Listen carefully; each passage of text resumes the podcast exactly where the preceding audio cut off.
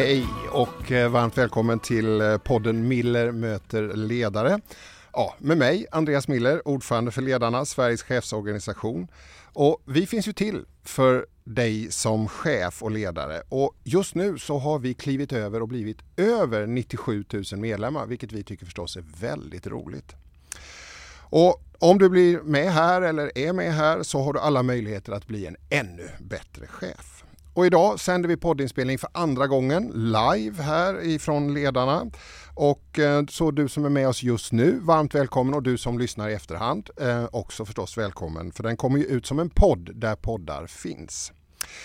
Dagens gäst har sina rötter både i Beirut och Värmland. Från att ha haft en, ja skulle jag nog säga när jag har läst om honom, en mycket tuff uppväxt som hårt mobbad flyktingpojke bestämde han sig för att ta tillbaka sitt liv och har nu jobbat sig upp till positionen som VD och koncernchef på Eniro.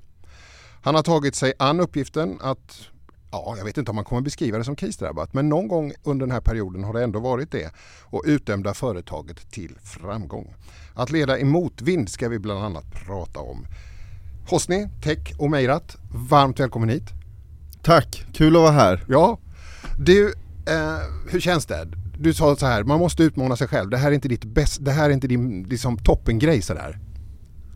Nej, jag sa ju det att eh, jag träffade en, eh, en, en väldigt eh, begåvad man som en gång sa till mig att om du bara gör de saker som du är bekväm med, då har du, gör du förmodligen fel saker. Jag är obekväm med det här. Ja. Det här är verkligen utanför min comfort zone. Ja. Så därför gör jag det. Ja, vad bra, vad bra. Men då kör vi tillsammans tänker jag.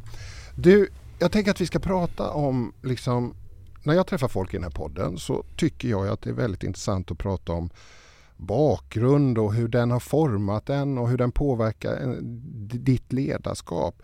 Och du har ju sagt att rasism det förekommer överallt, även inom näringslivet.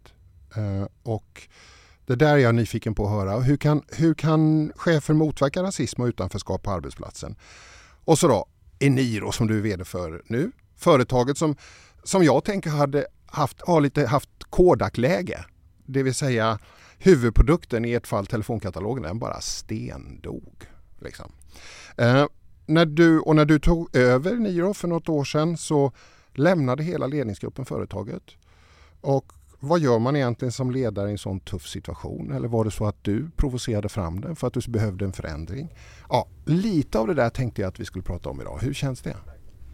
Det låter intressant, det ska bli jättekul att diskutera. Om jag bara får rätta en sak ja, som du sa. Ledningsgruppen lämnade inte, de fick lämna. Ja. Jag tycker att det är, det, det, det, det är en stor skillnad i en sån situation. Du bestämde att de skulle gå? Stämmer. Ja. Vi kommer tillbaks till det. Mm. Varför du bestämde det och hur du jobbade med det. Absolut. Ja. Rätt ska vara rätt. Rätt ska vara rätt. Hosni, om vi då skulle förflytta oss till Beirut. Vad är dina minnen av Beirut? Jag var en liten pojke när jag bodde kvar i Beirut. Ja. Eh, någonstans mellan fem, sex, sju år gammal. Ja. Vet inte riktigt ja. hur. Det kommer vi kanske också. Beröra, beröra lite senare. Eh, jag kommer ihåg, jag kommer ihåg mycket, mycket damm, eh, gu, gula fasader, stirrigt, brusigt, föräldrar som var ganska stressade, mm. uh, rörigt. Mm. mina bilder är fragment mm. på det sättet. Kan det vara så att det kommer någonting så att säga när du lever här i Sverige som plötsligt bara, just det, nu är jag i Beirut? Ja, det gör det. Mm. Jag tycker de, de senaste åren de senaste åren när vi har haft en flyktingvåg om man nu kan kalla det, för det kan man väl kalla, av mm. syrier efter, mm. Mm. Kriget. efter, efter inbördeskriget där. Och den syriska dialekten är kanske den dialekt i, inom arabvärlden som närmast liknar eh, libanesiska. Ja. Och när man hör folksamlingar, syriska folksamlingar lite överallt i stan prata, ibland högljutt och engagerat, passionerat på arabiska, syrisk ja. arabiska, då kan det komma till mig. Ja. Kan jag höra det där, då, då, då kan jag förflyttas igen. Liksom. Ja, intressant. Du, du kommer ju till Värmland, Storfors så småningom som flyktingpojke. Hur var det för dig och din familj att komma som flyktingar till Sverige?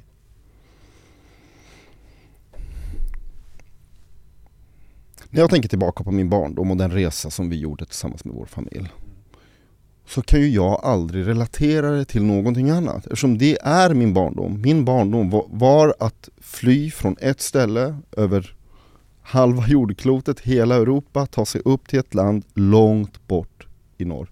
Det är min barndom.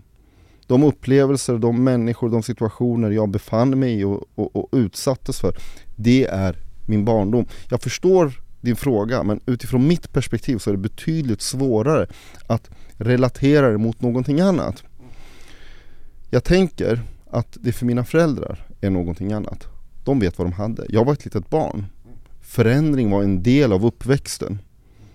Mina föräldrar som hade bott i ett land i Mellanöstern i 20-30 år av sina, av sina första år då behöva lämna allt det där. Den trygghet, de vänner och den struktur den, o, den, den, den ostrukturerade strukturen var ju deras Den var där, men den var deras Att komma då till ett land som är så fundamentalt annorlunda Det är nog en betydligt större mental resa för vuxna än vad det är för ett barn. Men det var väldigt tufft för dig som ung pojk i skolan.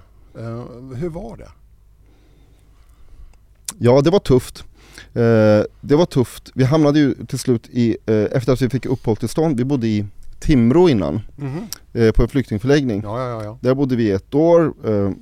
jag levde ett ganska glatt liv i Timrå på den här flyktingförläggningen. Många barn, mm. många barnfamiljer, många andra flyktingar ifrån Mellanöstern, Afrika, Sydamerika och de här barnen samlades ute på gårdarna och det fanns aktiviteter med dåvarande Invandrarverket. Eh, flytten till Storfors skedde efter att vi fick vårt uppehållstillstånd. För då var det ju så, Sverige var ett annat Sverige då. Då fick man helt enkelt en fråga, var vill ni bo? Mm. Och då sa mina föräldrar i kör, vi ska bo i Värmland, Storfors. Fanns det någon särskild anledning Ja, det, fanns ja. en väldigt särskild anledning och det var att den enda personen som vi hade ett släktskap till i Sverige var min faster. Aha. Så min faster bodde i Storfors och därför skulle vi till Storfors. min faster. Ja. Inte långt efter att vi flyttade till Storfors. Mm. Men du, den första dagen på skolan så upplever du, du blir ett mobbningsoffer. Är det så? Ja, rätt så snart efter att jag äh, fick träffa mina klasskompisar och, och skolkompisar jag var ju väldigt annorlunda. Jag var ju dels lite mörkare i hyn, mörkt hår, pratade inte svenska, kortväxt, krulligt hår. Mm. Kläder som kanske var från en annan tid, från ett annat årtionde. Mm. Jag var ju väldigt tydligt annorlunda än alla andra. Mm. Och det ledde till att man satte mig i det där facket. Mm. Och och sen, du antydde ju här tidigare att, att det var lite oklart vilket år du var född. Du visste inte riktigt hur gammal var jag när jag gick runt där i Beirut. Och det, ledde, det här var ju en oklarhet som ledde till att du sattes i en klass med mycket, mycket äldre elever. Du var mycket yngre än vad de var. Eh, och, och då blev det ganska stökigt om jag förstår saken rätt. Det var inte så lätt. Och du hamnade då i en särklass, var det så? Ja, det stämmer. Eh, jag har ett personnummer Uh, det står att jag är född uh, 1981 05 08. Uh, det vi vet med säkerhet är att jag inte är född 1981 och att jag definitivt inte är ett, är ett vårbarn, jag är ett höstbarn. Och någonstans 83-84 på hösten så föddes jag. Man vet inte riktigt när. Och det må låta konstigt i en svensks öron, men i krigets Beirut så var det knappast väsentligt. När var ditt barn fött egentligen? Eh, inga födelseattester, eh, inga papper, ingen dokumentation. Det ledde ju till att jag började trean i Storfors.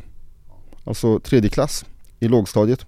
Jag borde ju förmodligen ha börjat ettan eller förskolan. Och sätta då det här barnet med tredjeklassare som dessutom inte riktigt hanterade svenska språket. Så ledde det till att den uppfattning framförallt lärarna då fick om mig att det här barnet är nog eh, svagbegåvat. Och vad gör man med svagbegåvade barn i 90-talets Sverige och 90-talets skola? Då sätter man dem i en särklass. Och där fick jag gå. Hur var det?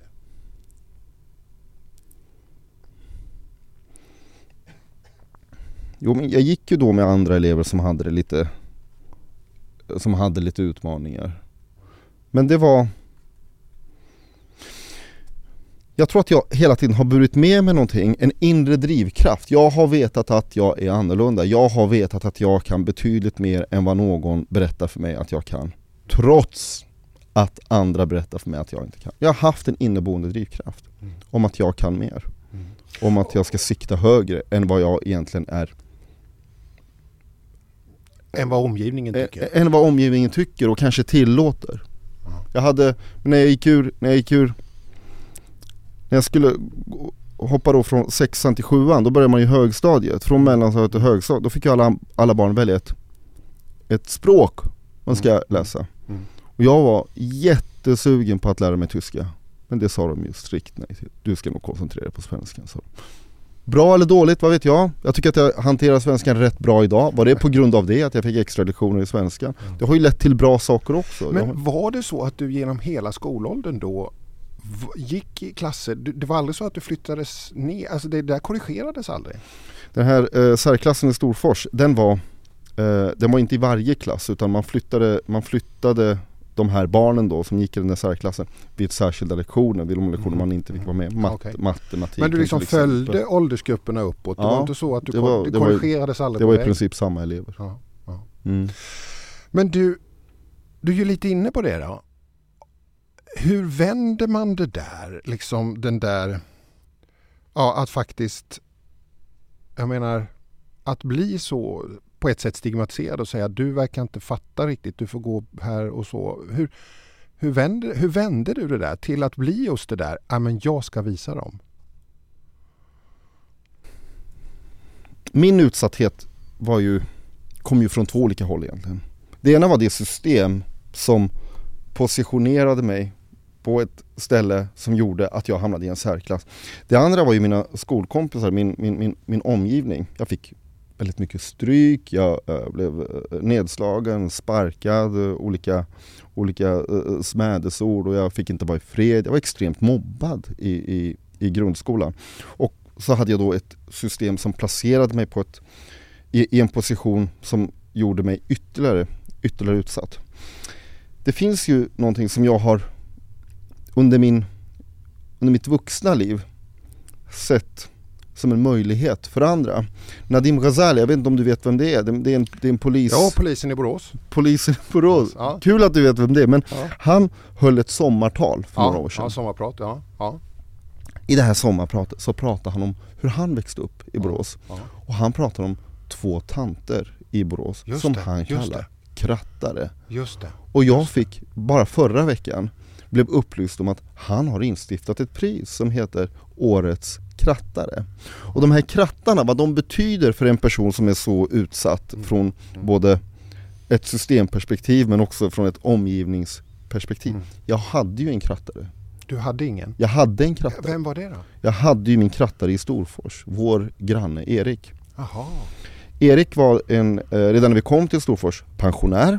Ja. Och detta var ju då i början av 90-talet. Ja. Han var pensionär redan då. Ja. Tredje eller fjärde dagen mm. som vi bodde i Storfors, då var jag och mina syskon ute och lekte på gården. Okay. Vi bodde i en lägenhet, ja. i en lägenhetskomplex då.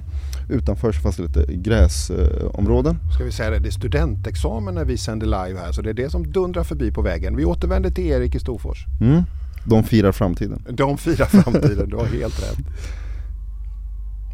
Och det vi, gjorde, eh, eh, eh, det vi gjorde den tredje eller fjärde dagen var, ute och, var att vara ute och leka eh, i den här eh, gräsplätten. Jag och mina syskon. Intill den här gräsplätten så fanns det en, en, en, en veranda som tillhörde en, en av de lägenheterna. I den verandan, i den gården, i den trädgården så stod det en man och påtade i sina krukor.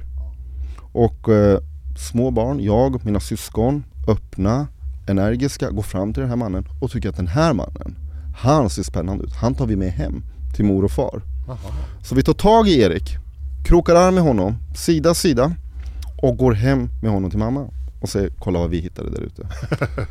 Mammas reaktion, hon bjuder honom på sött te och libanesiska kakor. Okay. Sen den dagen så har Erik följt med oss. Vart, varenda unge i familjen och Meirat har stöttats och letts och hjälpts av Erik. Men kunde ni svenska då när ni tog tag i Erik? Inte, inte, inte många ord. Med, med en vilja och med ett kroppsspråk så kommer man förvånansvärt långt. Han lärde oss svenska, han lärde oss köra bil, han lärde oss vart kommunhuset ligger, han lärde oss vem man ska prata med, han lärde oss vart de olika bönderna utanför Storfors eh, eh, eh, hade sina gårdar. Man kunde köpa ägg och kycklingar. Och Erik var vår väg in till det svenska samhället. Var, e Erik var eran krattare? Erik var vår krattare. Och vi behöver fler krattare idag tänker jag. Jag tror att fler behöver bli krattare. Ja. Jag är övertygad mm. om att de här krattarna med noll eller ingen insats kan göra så extremt mycket. Hon som blev årets skrattare, jag läste hennes reaktion på det och det var någonting i stil med Det känns väldigt konstigt att få ett pris genom att bara, genom att bara vara medmänsklig. Det tycker jag säger, säger mycket. Det är ingenting man uppoffrar. Det handlar bara om att öppna dörren och leda de här människorna. Och det, hand, det behöver inte handla om människor som, har, som enkom har ett utländskt ursprung. Utan det kan vara människor som på ett annat sätt eller på olika sätt är exkluderade mm. från majoritetssamhället. Mm. Men du Hosni då, det här, det här, den här bakgrunden, den här upplevelsen, eh, mobbning i skolan men samtidigt Erik som krattar och uppväxten och så. Hur, hur, har här, hur har allt det här påverkat ditt ledarskap? Har den här svåra uppväxten, vad har den lärt dig? Vad, vad, tar du med dig? Hur påverkar det idag när du har gett nya direktiv här på förmiddagen om att vi måste komma fram snabbare nu och sådär sa du till mig. Och, vad, vad, bär du med dig den här historien? Jag tror att det är svårt att hävda någonting annat. Jag tror att man, jag som person och ledare är betydligt bättre på att se, på att tolka och på att höra människor som kanske inte annars hade blivit sedda eller hörda. Jag tror också att min historia har lett till att min förmåga och sätt att kommunicera är lite annorlunda. Jag vill gärna tro att jag ser människan. Jag vill också, jag är också ganska mån om att försöka skapa ett förtroende för mig som person. Jag är ingen chef med titeln chef och därför ska ha ditt förtroende. Utan jag är Hosni och jag består av allt det här. Och att driva just det humanistiska eh, eh, ledarskapet. Vem är Hosni? Vem är vår nya chef? I synnerhet på ett bolag som Eniro som har haft en turbulens både finansiellt men också organisatoriskt där chefer har tagits in och bytts ut, tagits in och bytts ut. Det har varit en stark orsak för mig att faktiskt öppna upp mig och berätta för mina medarbetare och mina kollegor att det här är det jag är. Mm. Det här är min historia och det här står jag för och det här är mina värderingar. Mm. Vad får du för reaktion? Jo men jag sa det till min fru för inte så länge sedan att jag har varit på det där bolaget i 12 månader nu. Det känns som att jag har varit där en halv livstid. Några av de här personerna som jag har träffat där känner jag att det här, är min, det här kommer bli mina bästa vänner.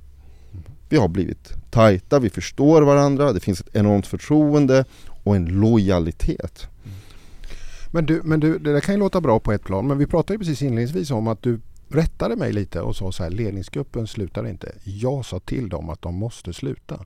Det är ett väldigt tufft besked och ett väldigt tufft beslut. Vad var det som gjorde att du tog det? Mm. Och jag rättar det för jag tycker att det är viktigt i sammanhanget. Ja. Ja, må, många gånger är, är, det inte viktigt, men i det här fallet var det viktigt. För att jag var ju tvungen att berätta för hela organisationen att strategin är förändrad, var förändrad. Att då ha en ledningsgrupp som driver strategi A, ha kvar dem för att nu satsa på strategi B. Det tror jag hade varit förödande. Nu ska samma personer som har varit ute och proklamerat och basunerat ut en strategi ändra riktning på grund av mig. För jag har sagt att vi ska gå höger istället för vänster. Det hade inte gått, jag hade inte fått med mig organisationen. Därför var det viktigt att byta ut en ledningsgrupp mot personer som dels trodde på verksamheten på ett annat sätt och dels var med mig på den resan långsiktigt. En tredje orsak var att i ledningsgruppen som var då fanns egentligen ingen intern som var rekryterad internt. Det bestämde jag mig också för att i min nya ledningsgrupp då ska jag hitta begåvade personer i Eniro som jag lyfter upp och sätter i ledningsgruppen. Och så gjorde vi. Så personer som hade varit länge på Eniro kanske inte hade blivit sedda, kanske inte hade blivit hörda, såg jag till att ta tag i och säga du är en person med tillräckligt god erfarenhet för att sitta i en ledning. Hur lång tid tog det för dig att fatta det beslutet? Från att du var utsedd VD till att du hade bestämt dig för strategin till att du tog det här beslutet att nu ska ledningsgruppen gå? 24 timmar. 24 timmar? Okej. Okay. Var det utifrån den uppdragsdiskussion du hade haft då eller? Och de här 24 timmarna är ju egentligen längre eftersom det hade förts diskussioner innan och jag ja. satt ju dessutom i styrelsen ja. i bolaget. Okay. Jag hade fått lyssna till och höra och diskutera med styrelsen. Men hur reagerade de då? då? Eller hur gjorde du det där? Bara... Och att, och att ledningsgruppen fick sluta beror ju inte på att de var dåliga människor. Det beror på att de hade en, en annan strategi än vad bolaget behövde. Som både jag och, och, och, styr, och styrelsen trodde. Det här är ju vux, det var ju vuxna människor och, som, som tog det här bra. Jag har eh, och alla hade säkert, passar säkert betydligt bättre i en annan roll än vad de gjorde som befatt, eh, de befattningspersoner, eh, befattningsinnehavare som de var i, på Eniro. Mm. Så de tog det bra. Jag, de tog det bra. Mm. Men du, eh, det blev ju väldigt tufft för dig. För att när du hade då sagt till den här ledningsgruppen att nu slutar du och då ledde du hela koncernen själv eh, under en tid. Vilket ledde till slut att du fick en lung, lungkollaps. Visst var det så? Ja. Jag så tänker när jag träffar chefer och ledare och när vi, vi pratar jättemycket här i ledarna om att hållbart ledarskap, du måste tänka på dig själv, du måste se till att du får återhämtning och reflektion och, och möjlighet att verkligen vila och sådär. Vad, vad tänker du om det idag när du drabbades av detta? Uh, var det en ögonöppnare? Absolut, det var en aha-upplevelse för mig. Jag har kanske lite grann sett mig själv som uh, okrossbar. Jag har inte heller riktigt applicerat de, de, den ömtåligheten på mig själv. Jag vet inte om det var just det att jag, att jag jobbade en hel del under den sommaren som ledde till det men det var, det var stressrelaterat och det bidrog säkert i väldigt hög grad. Är det viktigt att vara hållbar? Man ska hålla i jag är, jag är väl någonstans runt 40, snart 40. Jag har kanske 40 år kvar att leva. Och den här, den här pumpen som jag har här ska ju hålla då eh, eh, eh, några år till. Ja, det var en ögonöppnare för mig och en aha-upplevelse. Men jag tror också att om man för mycket gräver i det och för mycket försöker göra sitt, sitt liv till, till hållbart så blir det jag tror att det blir kontraproduktivt. Det finns en undersökning som visar att entreprenörer, mm. de går inte i väggen. Aha, okay. Och entreprenörer jobbar oftast ungefär 150% mot de andra. Varför går entreprenörer inte in i väggen? Varför, varför, varför lider inte de av de stresssymptom som vanliga gör? Jag har ett jobb som är få förunnat. Jag känner mig otroligt välsignad över att ha det här jobbet. Och jag har otroligt kul på jobbet. Och det, så, så länge jag har det, så länge jag har det, så tror jag att det andra är ett mindre problem. Mm. Fast det är ju, samtidigt kan det där bli en fälla till slut. Att det är så väldigt meningsfullt att man lite tappar, är min erfarenhet, liksom ansvaret för sig själv också. Ja, men jag håller med. Det är klart att det, det, det finns en risk för det. Men jag tror att de här kemikalierna i, i, i, i kroppen, de goda sådana, de blir mer om du har ett roligt jobb. Jag känner ju att jag har ett, ett, ett, utvecklande jobb där jag träffar otroligt många spännande och inspirerande människor. Mm. Så ja, det är ett mindre problem. Mm. Det finns en annan sak som jag också gärna vill prata med dig om. Tiden går så fort. Det var så intressant att prata med dig. Men det, du har ju pratat ganska... Oj. Ja, precis. Du tittar också på klockan. Men du, vad heter det? Du har sagt att du upplevt rasism överallt och att rasismen i det svenska näringslivet lever och frodas. Hur märker du det? Ja, jag har sagt det och jag tror inte det finns någon invandrarfödd person eller utländsk född person i Sverige som inte skulle hålla med dig. Rasism finns överallt i Sverige.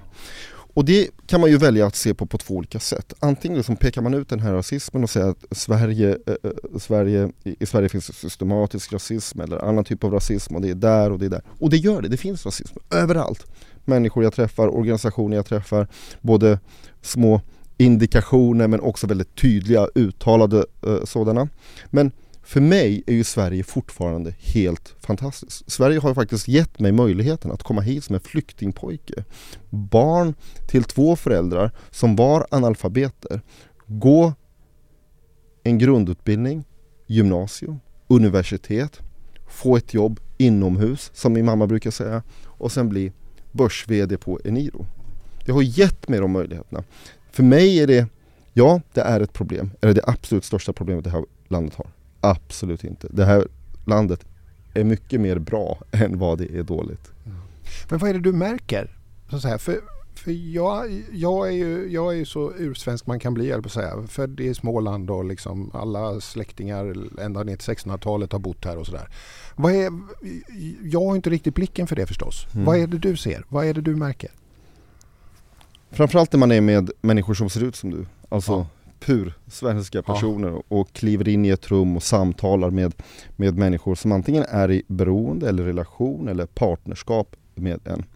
Så ser man att de olika att fördomar kring mitt, mitt, mitt ursprung och min, min hårfärg och min lite mörkare uh, hudfärg gör att jag får andra typer av frågor. Jag blir tilltalad på ett annat sätt, folk pratar engelska med mig, man har uttalat, uttalat frågat om det går att lita på en person i en sån som kommer från ett, ett, ett, ett annat land. Um, det finns flera, flera exempel och jag tror alla har upplevt dem alla har upplevt dem. Men jag tror att det är viktigare, för mig är det viktigare, hur approcherar man det här och vad mm. gör man, mm. vad gör man åt det? Hur, hur, hur, när det där händer dig då, vad gör du då? Jag har jag haft en filosofi om att om jag ska på något sätt hjälpa den, hjälpa den utvecklingen så är det absolut bästa jag kan göra vara ett gott exempel. Så när man pratar om invandrare på ett sätt så ska jag vara på ett bättre sätt. När man tror och har fördomar om invandrare om att vara på ett visst sätt, då ska jag vara det andra sättet. Det är nog min absolut bästa medicin för att motverka rasism.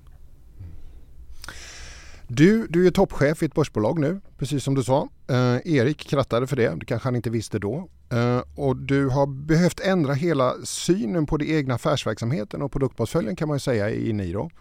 Eh, hur jobbar du med kulturen, bolaget för att få med dig medarbetarna och cheferna på den här resan? Det där beslutet du tog efter 24 timmar. Och det där är en viktig fråga, vad, är det man säger? Culture eats eh, strategy for breakfast. Mm. Eller hur? Så kulturen har ju varit extremt viktig för oss att fokusera på.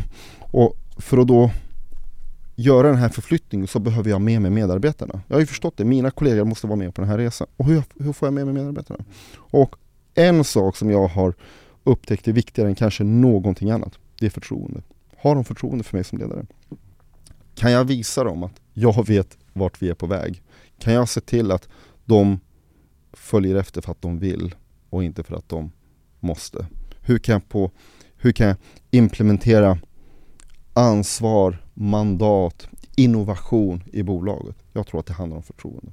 Får de förtroende för mig som person och, och det humanistiska ledarskapet som jag försöker bedriva så kommer vi mycket enklare, mycket effektivare att kunna flytta organisationer från där det är idag till ett sälj och marknadsföringsbolag till att bli ett produktbolag där kunden är i centrum.